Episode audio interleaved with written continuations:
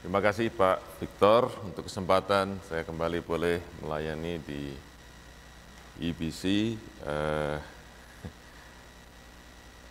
saya masih ingat, saudara, ini cerita bulan Desember tahun 2002.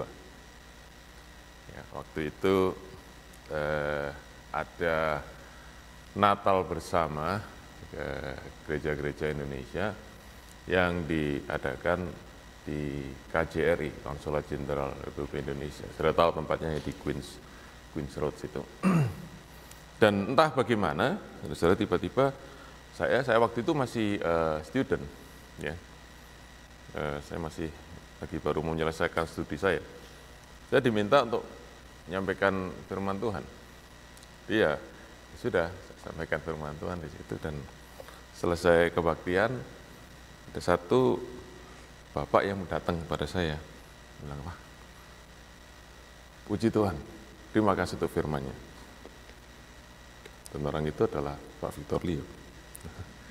Sejak itu kita uh, kenal satu sama lain dan saya ingat dulu lupa tahun berapa Pak Victor pernah juga uh, melayani firman Tuhan, berikan firman Tuhan tentang menginjilan di gereja yang saya layani uh, Bethany International Church Melbourne. Jadi itu langkah indahnya kalau kita semua di ladang yang Tuhan beri kepada kita, tapi kita tetap bisa ada dalam persekutuan karena kita semuanya ingin meninggikan nama Tuhan Yesus Kristus. Dan kita sama-sama melayani di dalam satu kerajaan, yaitu kerajaan Allah sendiri. Puji Tuhan. Hari ini saya ajak kita merenungkan firman Tuhan dari satu kisah yang terambil dari Injil Markus pasal yang ke-9 ayat yang ke-14 sampai dengan yang ke-27. Demikian bunyi firman Tuhan kalau saudara sudah mendapatkan ayat firman Tuhan ini. Ketika Yesus, Petrus, Yakobus, dan Yohanes kembali pada murid-murid yang lain, mereka melihat orang banyak mengerumuni murid-murid itu dan beberapa ahli Taurat sedang mempersoalkan sesuatu dengan mereka. Nah, kisah ini berlaku terjadi setelah peristiwa yang disebut uh, transfiguration ya. Jadi uh, baru di pasal yang sama tapi di awal daripada pasal 9 Juru Markus ini di situ Tuhan Yesus mengajak Petrus, Yohanes, Yakobus ke sebuah gunung dia menyendiri di situ Lalu tiba-tiba Tuhan Yesus wajahnya berubah ya, menjadi berkilau-kilau penuh dengan kemuliaan dan ada Musa dan Elia di sebelah kiri, sebelah kanannya. Ya, satu penampakan kemuliaan yang luar biasa. Dan kembali mereka turun dari gunung itu, ya, mereka mendapati ini. Ya, murid-murid Tuhan yang lain jadi sembilan yang lain dan beberapa ahli Taurat mempersoalkan suatu dengan mereka. Pada waktu orang banyak itu melihat Yesus tercenganglah mereka semua dan bergegas menyambut dia. Lalu Yesus bertanya kepada mereka, apa yang kamu persoalkan dengan mereka? Kata seorang dari orang banyak itu, Guru, anakku ini kubawa kepadamu. Karena ia kerasukan roh yang membisukan dia. Dan setiap kali roh itu menyerang dia, roh itu membantingnya ke tanah, lalu mulutnya berbusa, giginya bekertakan dan tubuhnya menjadi kejang. Aku sudah meminta kepada murid-muridmu supaya mereka mengusir roh itu, tapi mereka tidak dapat. Maka kata Yesus kepada mereka, Hai kamu angkatan tidak percaya, berapa lama lagi aku harus tinggal di antara kamu, berapa lama lagi aku harus sabar terhadap kamu. Bawalah anak itu kemari. Lalu kembali membawa kepadanya, melihat roh itu, waktu roh itu melihat Yesus, anak itu segera dikoncang-goncangnya dan anak itu terpelanting ke tanah dan terguling-guling sedang mulutnya berbusa. Lalu Yesus bertanya kepada ayah anak itu, sudah berapa lama ia mengalami ini? Jawabnya sejak masa kecilnya. Dan sering kali roh itu menyeretnya ke dalam api ataupun dalam air untuk membinasakannya. Sebab itu, jika engkau dapat berbuat sesuatu, bahasa Inggrisnya if you can do anything, ya apa sajalah. Ya. Tolonglah kami dan kasihanilah kami. Jawab Yesus, katamu, jika engkau dapat, maksudnya jika aku bisa, tidak ada yang mustahil bagi orang yang percaya. Segera ayah anak itu berteriak, aku percaya. Tolonglah aku tidak percaya ini. Ketika Yesus melihat orang banyak makin datang berkerumun, ia menegur roh jatuh dengan keras, katanya, Hai kau roh yang menyebabkan orang menjadi bisu dan tuli, aku memerintahkan engkau, keluarlah daripada anak ini dan jangan memasukinya lagi. Lalu keluar roh itu sambil berteriak dan menggoncang-goncang anak itu dengan hebatnya. Anak itu kelihatannya seperti orang mati, sehingga banyak orang yang berkata, ia sudah mati. Tetapi Yesus memegang tangan anak itu dan membangunkannya. Lalu ia bangkit sendiri. Puji Tuhan. Terus saudara, ini adalah kisah salah satu kisah e, mujizat yang yang Tuhan Yesus lakukan yang menunjukkan bahwa Dia adalah Allah. Di dalam e, di dalam perjalanan Tuhan Yesus, tahu Tuhan Yesus adalah Allah yang dalam kesetaraan dengan Allah tidak menganggap maaf di dalam di dalam keadaannya sebagai Allah dia tidak menganggap setara dengan Allah sebagai milik yang dipertahankan melainkan telah mengosongkan diri mengambil rupa seorang manusia. Saudara-saudara eh, tentu eh, belakangan ini ada banyak saudaraku diskusi tentang apa yang namanya Yesus menjadi manusia, doktrin kenosis dan lain-lain. Tetapi yang pasti adalah Yesus adalah Allah yang berinkarnasi menjadi manusia. Tetapi saudaraku, Allah itu adalah Allah yang kekal, karena itu Allah tetap Allah. Karena itu waktu Yesus dalam keadaan sebagai manusia, saudara-saudara dia tidak akan pernah kehilangan kealahannya. Nah, itulah sebabnya, saudara-saudara. Maka orang, dan karena Allah itu adalah roh, maka pribadi yang adalah roh pasti mengenali Allah yang adalah roh. Manusia, saudara-saudara, mereka tidak bisa mengenali Yesus bahwa dia adalah Allah. Karena itu manusia, saudaraku sering kali meremehkan Tuhan Yesus, mereka sering kali memandang rendah dia, bahkan saudaraku berani mengejek dia, berani menghina dia, berani marah, bahkan mau bunuh dia, karena mereka tidak kenal siapa Yesus sebenarnya. Tetapi kalau saudara membaca beberapa kali kisah dalam Alkitab, ini kali yang kedua yang tercatat dengan jelas, saudaraku ya, tapi ada beberapa yang lain. Salah satu yang lain lagi adalah kalau saudara membaca dalam Injil yang sama, Injil Markus, yaitu pasal yang kelima di mana Tuhan Yesus pergi ke satu daerah namanya Gerasa dan di situ ada seorang dirasuk roh jahat yang tinggal di pekuburan dan dia dirasuk oleh roh jahat saudaraku yang e, bukan satu tapi satu pasukan ya yang disebut legion ya itu pak minjam istilah e, dari Romawi saudara tentara yang sangat banyak maka waktu Tuhan Yesus sampai ke daerah itu maka orang yang dirasuk roh jahat itu langsung datang sujud menyembah dan berteriak ya Yesus anak Allah yang maha tinggi. Apa urusanmu datang kemari? Jangan siksa aku. Ternyata saudaraku manusia satu pun tidak ada yang kenal, tetapi roh jahat itu mengenal pribadi Allah yang dalam diri Yesus. Nah, termasuk juga saudaraku di dalam kisah ini. Waktu roh jahat yang merasuk anak yang bisu tuli itu, saudara, waktu dia melihat Yesus, dia langsung tahu, yang lain nggak ada yang tahu. Yang lain anggap, oh ini guru datang, ini Rabi Yesus datang. Tapi roh jahat tahu, ini anak Allah, ini Allah yang datang. Nah, tetapi yang yang saya ingin ceritakan selain itu adalah begini, pada waktu Yesus datang kepada orang banyak itu, mereka sedang lagi berdebat, ya, sedang lagi berdebat. Berdebat tentang apa? Nah, jadi ceritanya adalah ada seorang anak seorang bapak yang punya anak, ya diperkirakan umurnya sekitar 10-12 tahun begitu, saudara. Anak ini dirasuh roh jahat, ya tadi saudaraku sudah tahu ya simptomnya ya, mulutnya berbusa, sering dibanting-banting ke tanah, saudaraku ya, dan dan berapa kali saudaraku hampir saja dia itu celaka, kejang, giginya berketakan, saudaraku, dan benar-benar itu adalah pekerjaan roh jahat. Nah, bapak ini bawa kepada murid-murid Yesus, lalu minta untuk didoakan, disembuhkan. Saudara saya yakin murid Tuhan Yesus berusaha untuk menyembuhkan mereka. Ya, karena tadi dikatakan bahwa sudah dicoba tapi nggak dapat. Ya, pakai macam-macam teknik, saudaraku ya, sudah dicoba tapi tetap nggak dapat, saudaraku ya, macam-macam lah, ya. Mungkin mulai diusir, saudaraku ya, ada yang mulai mungkin ada teknik yang lain diajak berdialog ya ditanyain namanya diajak kenalan dulu mungkin saudaraku ya ada yang lain saudaraku mungkin ayo uh, dinyanyikan, dinyanyikan, macam-macam. Ya, tapi semua teknik-teknik itu tidak berhasil. Ya, semua cara-cara itu nggak berhasil. Lalu mereka mulai berdiskusi, mulai ber, berdebat. Dan terus uh, sebagai seorang yang sudah cukup lama, ya uh, ada di dalam lingkungan eh, orang-orang yang sering kali disebut pelayanan kelepasan, ya, saya sering kali mengikuti diskusi dan perdebatan semacam ini. Yaitu kenapa kok roh ini nggak mau keluar? Kenapa orang ini nggak bisa sembuh? Ada macam-macam, saudaraku ya. Nomor satu, oh ini kita sedang berhadapan dengan roh yang pangkatnya lebih tinggi. Oke, okay? jadi yang biasa kita usir itu mungkin yang pangkatnya rendah ini pangkatnya lebih tinggi, gitu ya mungkin ini jenderalnya begitu. Makanya susah ini kita kita ya apa punya punya perlu perlu peperangan yang lebih. Lalu yang lain lagi saya oh ini ada kutuk dari nenek moyang. Oh, ini ada lagi dosa tersembunyi. Oke. Okay?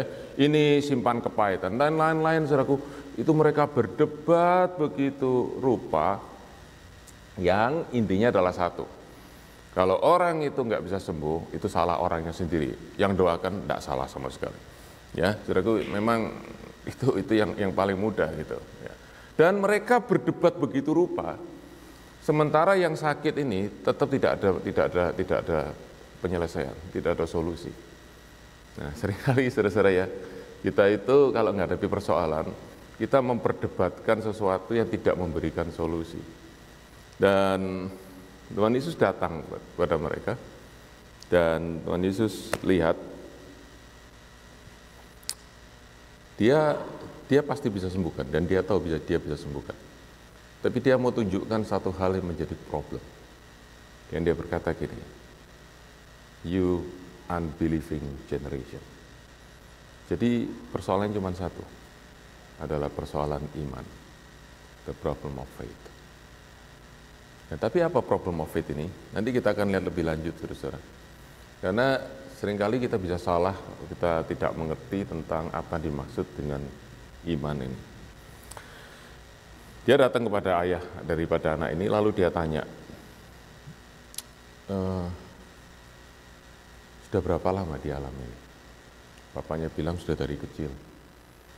Tolong, if you can do anything. Maksudnya, satu yang kecil tolonglah, paling tidak ringankan penderitaan ini. Waktu Tuhan Yesus tanya, dia tanya balik. Jadi kamu bilang jika aku bisa. jika aku bisa.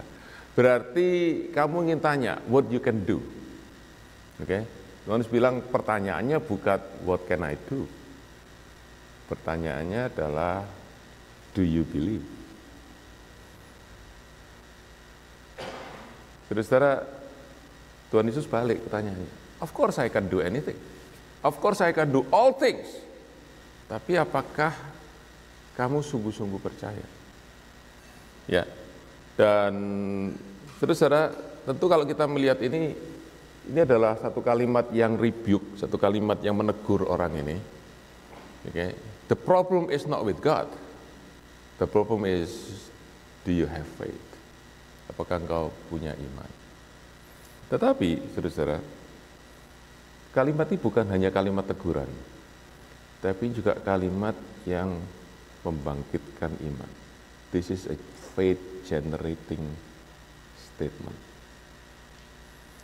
Karena Tuhan Yesus waktu dia berkata, I can do everything, but do you have faith? Bapak ini langsung, langsung menjawab. Dan saya rasa dia menjawab dengan teriakan yang bercampur tangisan. Sudah ya, bahasa Indonesia berkata, Aku percaya Tuhan, tolonglah aku yang tidak percaya ini. Bahasa Inggrisnya, saudara-saudara, bahasa Inggrisnya ini bagus. I believe, help my unbelief. Saudara-saudara, ini kalimat yang tidak mudah kita bisa mengerti. Tetapi this is a very important thing that we need to understand. Kalau kita baca kalimat ini sepintas, kita bisa berkata, Bapak ini, maaf ya, saya, saya boleh pakai istilah yang, saya pakai istilah yang bahasa Indonesia yang standar ya, dolak dalik, sudah ya, dolak dalik. katanya percaya, tapi nggak percaya. Percaya, nggak percaya. Percaya atau enggak sih? Kalau percaya katakan Tuhan aku percaya. Nggak usah ditambahi, tolonglah ketidakpercayaanku ini. Hmm, kalau percaya ya percaya, percaya 100%. Kalau nggak percaya, nggak percaya. Kita sering kali berkata seperti jangan dicampur. Percaya nggak percaya itu nggak bisa dicampur. Ya, kita saudara-saudara pernah dengar istilah ini ya. Saya kadang-kadang juga pakai seperti itu. Fear and faith cannot mix. If you have faith, you must not fear. If you fear, it means you don't have faith. Tapi Bapak ini bilang, I believe, but help my unbelief. Terus saudara, di dalam kenyataan hidup ini, saya tidak tahu saudara pernah alami enggak, tapi dalam dalam hidup ini kita bisa mengalami saat-saat seperti ini. Waktu kita benar-benar merasa ini waktunya kita berharap beriman kepada Tuhan, di situlah justru kita merasa sulit sekali untuk bisa percaya kepada Tuhan. Saya tidak tahu berapa, Bapak ini bilang anak ini sudah mengalami ini ya, siksa oleh roh jahat ini sejak dia kecil. Berapa tahun lamanya nggak tahu. Tapi dari tahun ke tahun, dari tahun ke tahun dia melihat keadaan tidak pernah jadi lebih baik. It's getting worse and worse and worse, jadi lebih buruk, lebih buruk, lebih buruk. Saya yakin dia juga orang yang percaya kepada Tuhan. Dia dia berdoa kepada Tuhan, tapi tiap kali makin buruk, makin buruk, makin buruk, makin buruk. Dan di situlah saudara-saudara, waktu yang kita lihat dengan mata kita, realita yang ada di depan mata kita, kelihatan tidak membaik Waktu kita berdoa, keadaan tidak berubah, makan, makan malah lebih buruk. Di situ kita bisa mulai merasa iman kita itu mulai makin surut, makin surut, makin surut. Saudara kalau hari ini bertanya, berapa banyak saudara percaya kepada Tuhan? Kalau keadaan kita baik, angkat tangan itu tidak sukar sama sekali. Betul ya? Oh, saya percaya kepada Tuhan. Tapi waktu kita dalam keadaan terdesak, waktu kita dalam keadaan terjepit, waktu kita mengalami penyakit yang tidak sembuh-sembuh, waktu kita mengalami ikatan yang tidak pernah lepas, waktu kita menghadapi problem yang kronis, waktu kita menghadapi orang-orang yang kita harapkan berubah tapi tidak pernah berubah, malah seragu keadaan makin parah. Waktu kita sudah mencoba segala macam cara, tetapi tidak pernah menghasilkan seperti yang kita inginkan. Setiap usaha kita gagal. Dan setiap kali kita mencoba tidak berhasil. Setiap kali kita mencoba, kita berusaha, setiap kali kita berdoa, dan jawaban doa tidak, tidak datang. Saudara, faith decrease, unbelief increase. Dan karena itu, waktu Bapak ini ditanya oleh Tuhan, maukah engkau percaya aku bisa lakukan semua? Dia berkata, Tuhan, aku benar-benar ingin percaya. Aku ingin percaya. But you know, my unbelief. Ada beberapa hal yang saya ingin kita bagikan di sini, yang kita bisa belajar di sini. Saudara, kalau kita bicara faith, itu bicara iman, itu sering kali kita berpikir iman itu semata-mata adalah keputusan kita sendiri. Terserah kamu percaya atau tidak. Kalau kamu mau, pasti akan terjadi. Karena itu yang kamu harus lakukan adalah memompa imanmu. Ya, bangkitkan imanmu. Mari percaya. Gimana caranya? Macam-macam. Saudaraku, katakan firman berulang-ulang, nyanyi macam-macam saudaraku ya. Bangkitkan imanmu, bangkitkan imanmu. Kalau saudara bisa lakukan itu ya syukur, tetapi seperti Bapak ini dia sudah tidak bisa lagi. Dia sudah benar-benar merasa hopeless. Dia dia sekarang tahu dia sedang berperang melawan satu hal yaitu namanya unbelief. Karena itu dia berkata, Tuhan tolong help my unbelief. Saya ingin ingin kita mengerti saudara Bapak ini datang kepada Yesus, siapa yang perlu ditolong? Anaknya bukan? Betul ya? Tapi sekarang dia datang kepada Yesus, setelah dia ngomong sama Tuhan Yesus, dia mengerti saudaraku. Sekarang dia tahu, yang perlu ditolong bukan anaknya lebih dulu, yang perlu ditolong adalah dia. Yang perlu ditolong adalah dia supaya dia bisa percaya kepada Tuhan. Dan dia tahu untuk percaya kepada Tuhan pun dia butuh pertolongan Tuhan. To believe in God, I need help from God. I cannot self-generate my own faith. Aku tidak bisa bangkitkan sendiri imanku. Aku perlu Tuhan supaya aku bisa percaya kepada Tuhan. Saudara kenapa kok kita perlu mengerti hal ini? Kadang-kadang tanpa sadar, kita sadar, kita semua akan percaya. Tadi pujian kita naikkan, I'm saved by grace and grace alone, yang is by grace alone, grace alone. Tetapi kadang-kadang tanpa sadar kita menyisipkan, kita insert sesuatu yang kecil, yaitu bagian kita. Nah bilang, oh ya memang Tuhan memberikan kasih karunia, tapi ada bagian yang kita lakukan. Bagian kita adalah beriman. Tanpa kita sadar, kita memberikan satu persen atau 0,1 persen dari apa yang Tuhan beri kepada kita, itu ada kredit sedikit buat kita. Yaitu apa? Kredit kita adalah kita beriman. Itu adalah bagian kita, itu adalah usaha kita, itu adalah kemampuan kita. Yang sangat lain 99,99 persen itu Tuhan, 0,01 persen. 0,1 persen. Saya, yaitu iman. Dan di sinilah kita bisa belajar.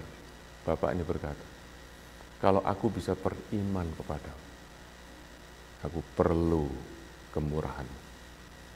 Dan kalau sudah seperti itu, bahkan untuk beriman pun kita perlu Tuhan. Dan akhirnya kita bisa beriman dan kita terima kemurahan Tuhan, kita terima pertolongan Tuhan. Berapa kredit saudara dan saya? Zero. Waktu orang tanya kepada kita, gimana kau? Ya aku cuma percaya. Bagaimana kau bisa percaya? Tuhan yang tolong aku percaya. Benar-benar semuanya dari Tuhan. All from God. All by grace alone. Bulan Februari tahun 2004. Saya ada di Gold Coast bersama dengan keluarga saya. Waktu itu saya punya tiga anak, saudara ya. Uh, yang besar sekarang umur 26, yang dua mau 23, yang ketiga perempuan, ini yang laki 26, laki-laki 23, perempuan 15. Waktu itu tahun 2004 itu anak saya yang besar itu baru umur hampir 7, kira-kira enam setengah tahun. Ya, yang nomor dua baru mau empat tahun. Kami liburan ke Kulkus, saya istri saya dengan dua anak saya lagi, dengan papa mama saya. Kami liburan senang semua jalan dengan dengan dengan senang saudaraku. Tapi tiba-tiba acara berubah. Acara liburan di pantai di Server Paradise tiba-tiba berubah. Saya harus tinggal di ICU hospital. Tungguin anak saya. Yang paling besar ada di ICU. lihat diagnosa yang ditulis oleh dokter di ranjangnya itu, itu sudah tahu istilahnya, hati ini jatuh ke tanah. Saya, istri saya dengan anak saya nomor dua, dengan papa saya, menyewa sebuah motel dekat hospital, memang isinya semua juga keluarga dari orang yang ada di hospital tapi saya tinggal di hospital, di sebelah ruang ICU itu ada bunker, tempat untuk orang mau istirahat dari keluarganya. Saya di situ. Semalaman saya nggak bisa tidur. Benar-benar nggak bisa tidur. Saya doa sama Tuhan. Tuhan tolong, Tuhan tolong. Lord help my son, Lord help my son. Saya mau bersaksi kepada saudara. Tiap kali saya berkata, Lord help my son. Ada suara berkata,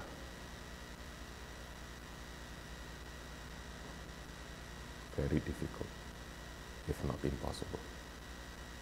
Saya selalu baca saudaraku, diagnosa dari dokter itu. Itu menghantui pikiran saya. Saya berkata, Lord, it's nothing is impossible for you. Tulisan itu muncul lagi. Tulisan itu muncul lagi. Sampai saudaraku, saya berteriak dalam hati. Tentu tidak keluar dari mulut, kan bangun semua yang di bunker itu. Saya teriak dalam hati, Tuhan.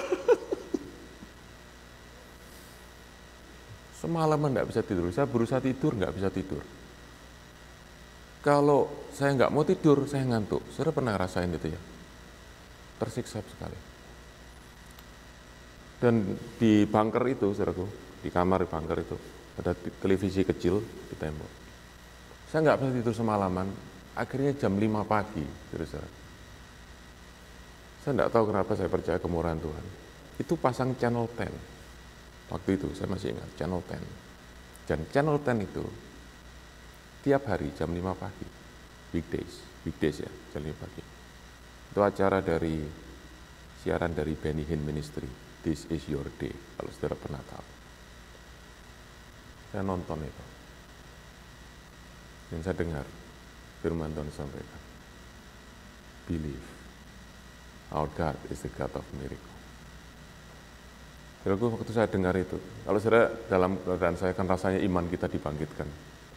Tapi di situ saya merasa, waktu saya dengar itu, believe, God can do miracle. Saya nangis jadi-jadinya. Persis seperti Bapak ini. I know you can do miracle. But help my unbelief. Help my unbelief. Saya ngerti, apa yang dialami oleh Bapak ini.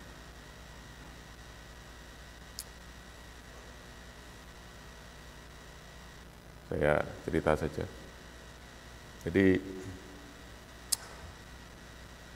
dokter bilang anak saya itu harus tiga hari di ICU. Jadi Senin, ada hari mulai hari Minggu, Senin, Selasa, Rabu. Ya, paling cepat Rabu. Kalau keadaannya baik, dia baru boleh dipindah ke ward. Dan setelah itu, tidak tahu berapa lama lagi dia harus dirawat. Saya cuma doa sama Tuhan. Tuhan, you know I want to believe in you. You know, I believe you can do miracle. But help my unbelief.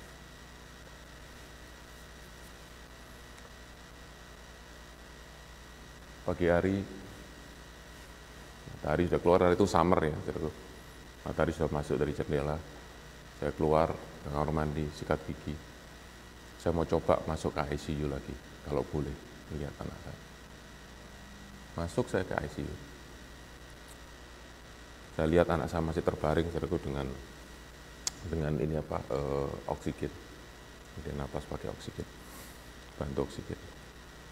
Dan saya ngelihat dokter yang nangani dia itu lagi kumpul dengan beberapa dokter yang lain. Saya mulai tanya, aduh Tuhan. Udah mulai bicara serius, Tuhan. Dan aku, saya cuma berkata, Lord help my unbelief. Help my unbelief. Saudaraku tahukah, saudaraku, bahwa semua persoalan kita hadapi, itu sebenarnya bukan persoalan kesehatan, bukan persoalan rumah tangga, bukan persoalan ekonomi, the problem we have, the battle we have, is the battle of faith.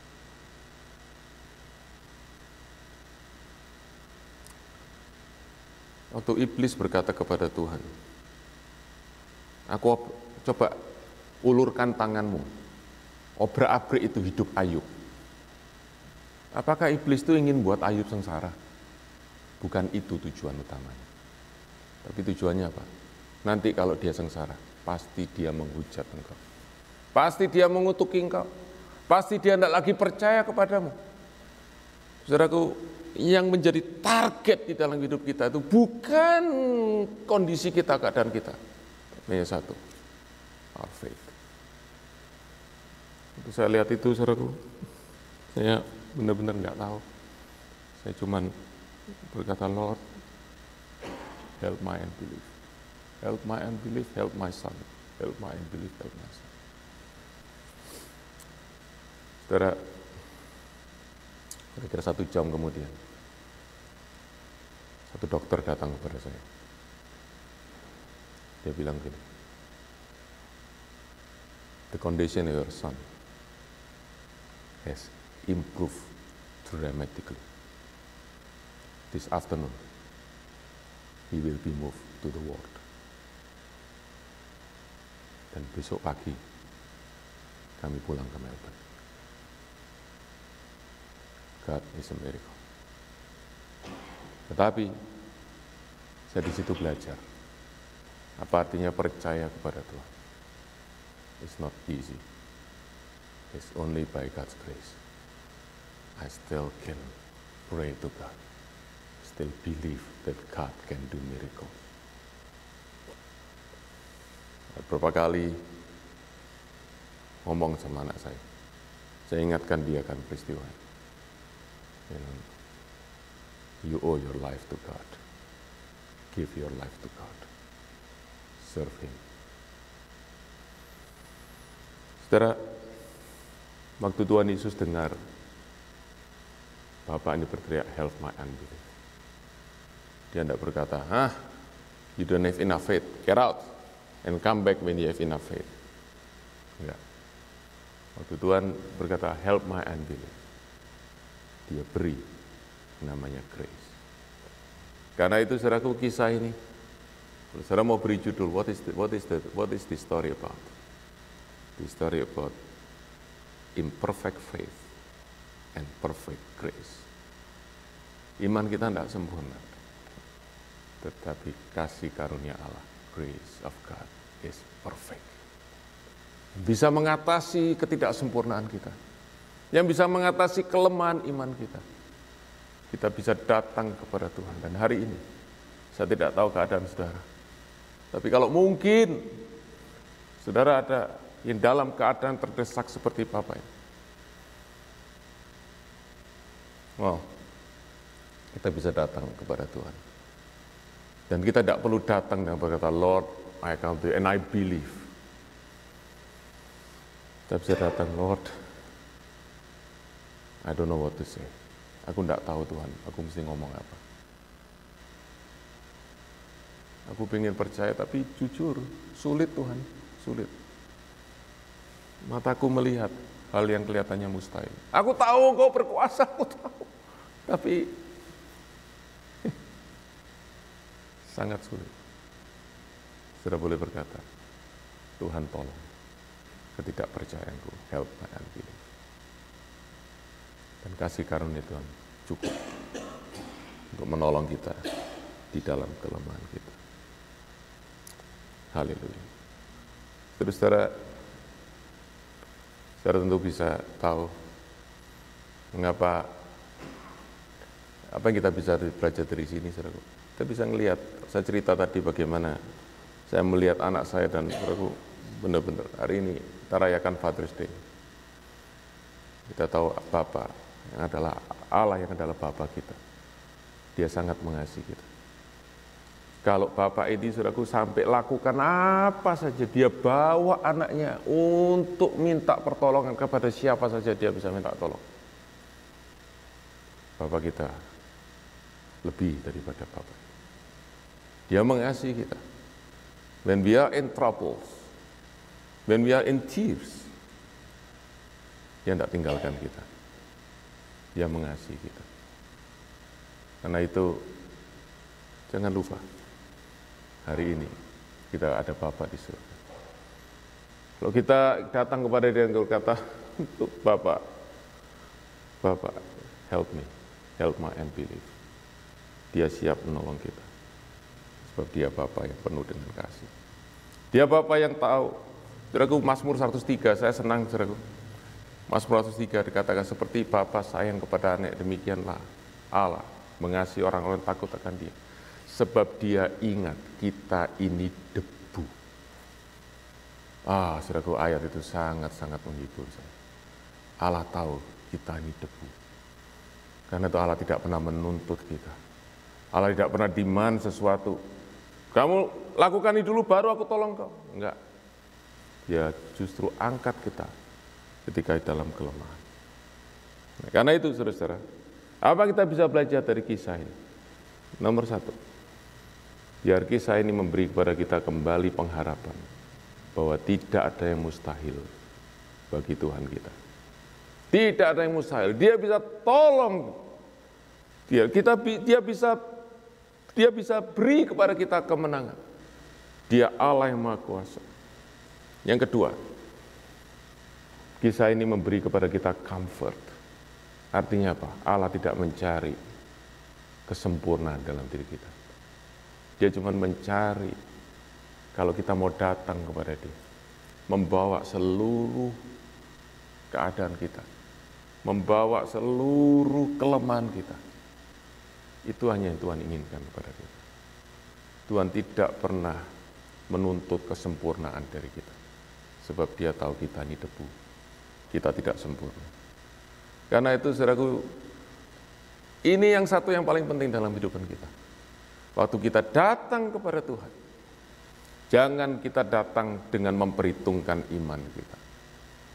Tapi datang kepada Tuhan, perhitungkan kemurahan, kasih karunia daripada Tuhan. Don't count on our faith, count on God's grace. Perhitungkan kemurahan Tuhan, perhitungkan kebaikannya, perhitungkan belas kasihannya.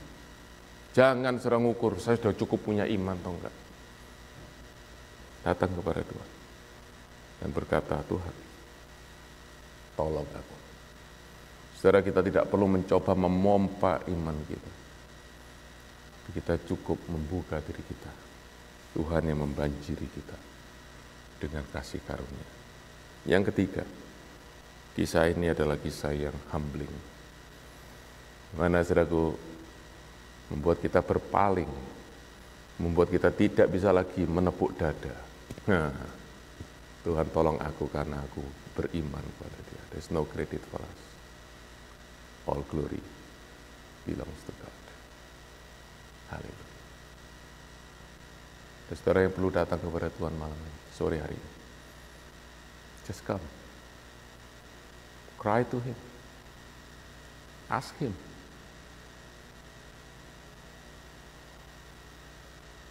Count on His grace. Count on His mercy. Count on His goodness. Haleluya. Mari kita berdoa.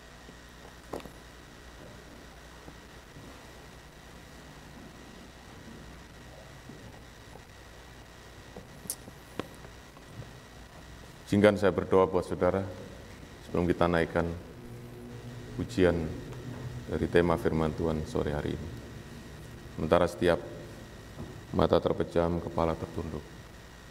Adakah saudara hari ini sudah benar-benar perlu pertolongan daripada Tuhan? Sudah dalam keadaan terjepit, dalam keadaan putus asa bahkan. Saudara mau datang kepada Tuhan, dan saudara sudah dengar bolak-balik firman Tuhan berkata, engkau mesti beriman, engkau mesti percaya, engkau mesti beriman. Benar, benar, itu tidak salah. Saudara. Tapi ada satu hal yang kita harus lengkapi dari statement itu. Yaitu apa? Untuk beriman kepada Tuhan. Kita butuh kemurahan Tuhan. Kita butuh pertolongan daripada Tuhan. Tuhan tidak cari iman yang sempurna. Tuhan cuma cari kita datang kepada Dia dan berkata, Lord, help me. This is me. Kalau ada, saya ingin berdoa buat saudara, singkat saja. Saudara boleh angkat tangan di tempat saudara. Saudara berkata kepada Tuhan, Lord, help me. I need your help. I need your help. Seperti pujian yang tadi kita naikkan, I need you. Lord, I need you. I need you. Every hour I need you. But it is very hour I do need you. Bapa di surga. Yang mau berdoa untuk setiap jiwa tempat ini. Tangan mereka terangkat. Bahkan mungkin mereka tidak bisa angkat tangan mereka tinggi. Karena hati yang begitu berat. Karena keadaan begitu berat. Tuhan, waktu kami tidak bisa angkat tangan kami, Engkau turunkan tanganmu. Kau pegang tangan kami. Menyatakan pada kami semua sore hari ini, Engkau mengasihi kami. Di dalam ketidakberdayaan kami. Ketika kami bahkan sulit untuk bisa percaya kepadamu. Kau tolong kami Tuhan. Satu hal yang kami minta, kemurahan-Mu. Pegang hati kami di dalam kasih-Mu. Supaya kami tetap boleh terus dengan apa yang ada dalam diri kami. Kamu tetap berharap dan percaya kepadamu. Pertolonganmu ajaib buat kami semua. Terima kasih Tuhan. Biar hari yang akan datang ini, kami makin mengenal kemurahan-Mu, kami makin boleh berjalan di dalam di dalam kasih yang kami perhitungkan, yang kami pandang adalah kasih karunia-Mu yang sempurna. Kami tidak menghitung iman kami, sebab kami tahu iman kami pun datang daripada Engkau. Terima kasih Tuhan. Terima kasih. Dan sore hari ini hamba berdoa. Biar kemurahan-Mu, belas kasihan-Mu turun atas setiap kami yang hari ini berseru berteriak kepadamu. Tuhan, kami percaya. Engkau sanggup melakukan segala sesuatu, tidak ada yang mustahil bagimu. Tetapi Tolong, tolong, tolong. Help my unbelief. Help me to believe in you. Help me to put my trust in you. Terima kasih Tuhan. Dalam nama Tuhan Yesus.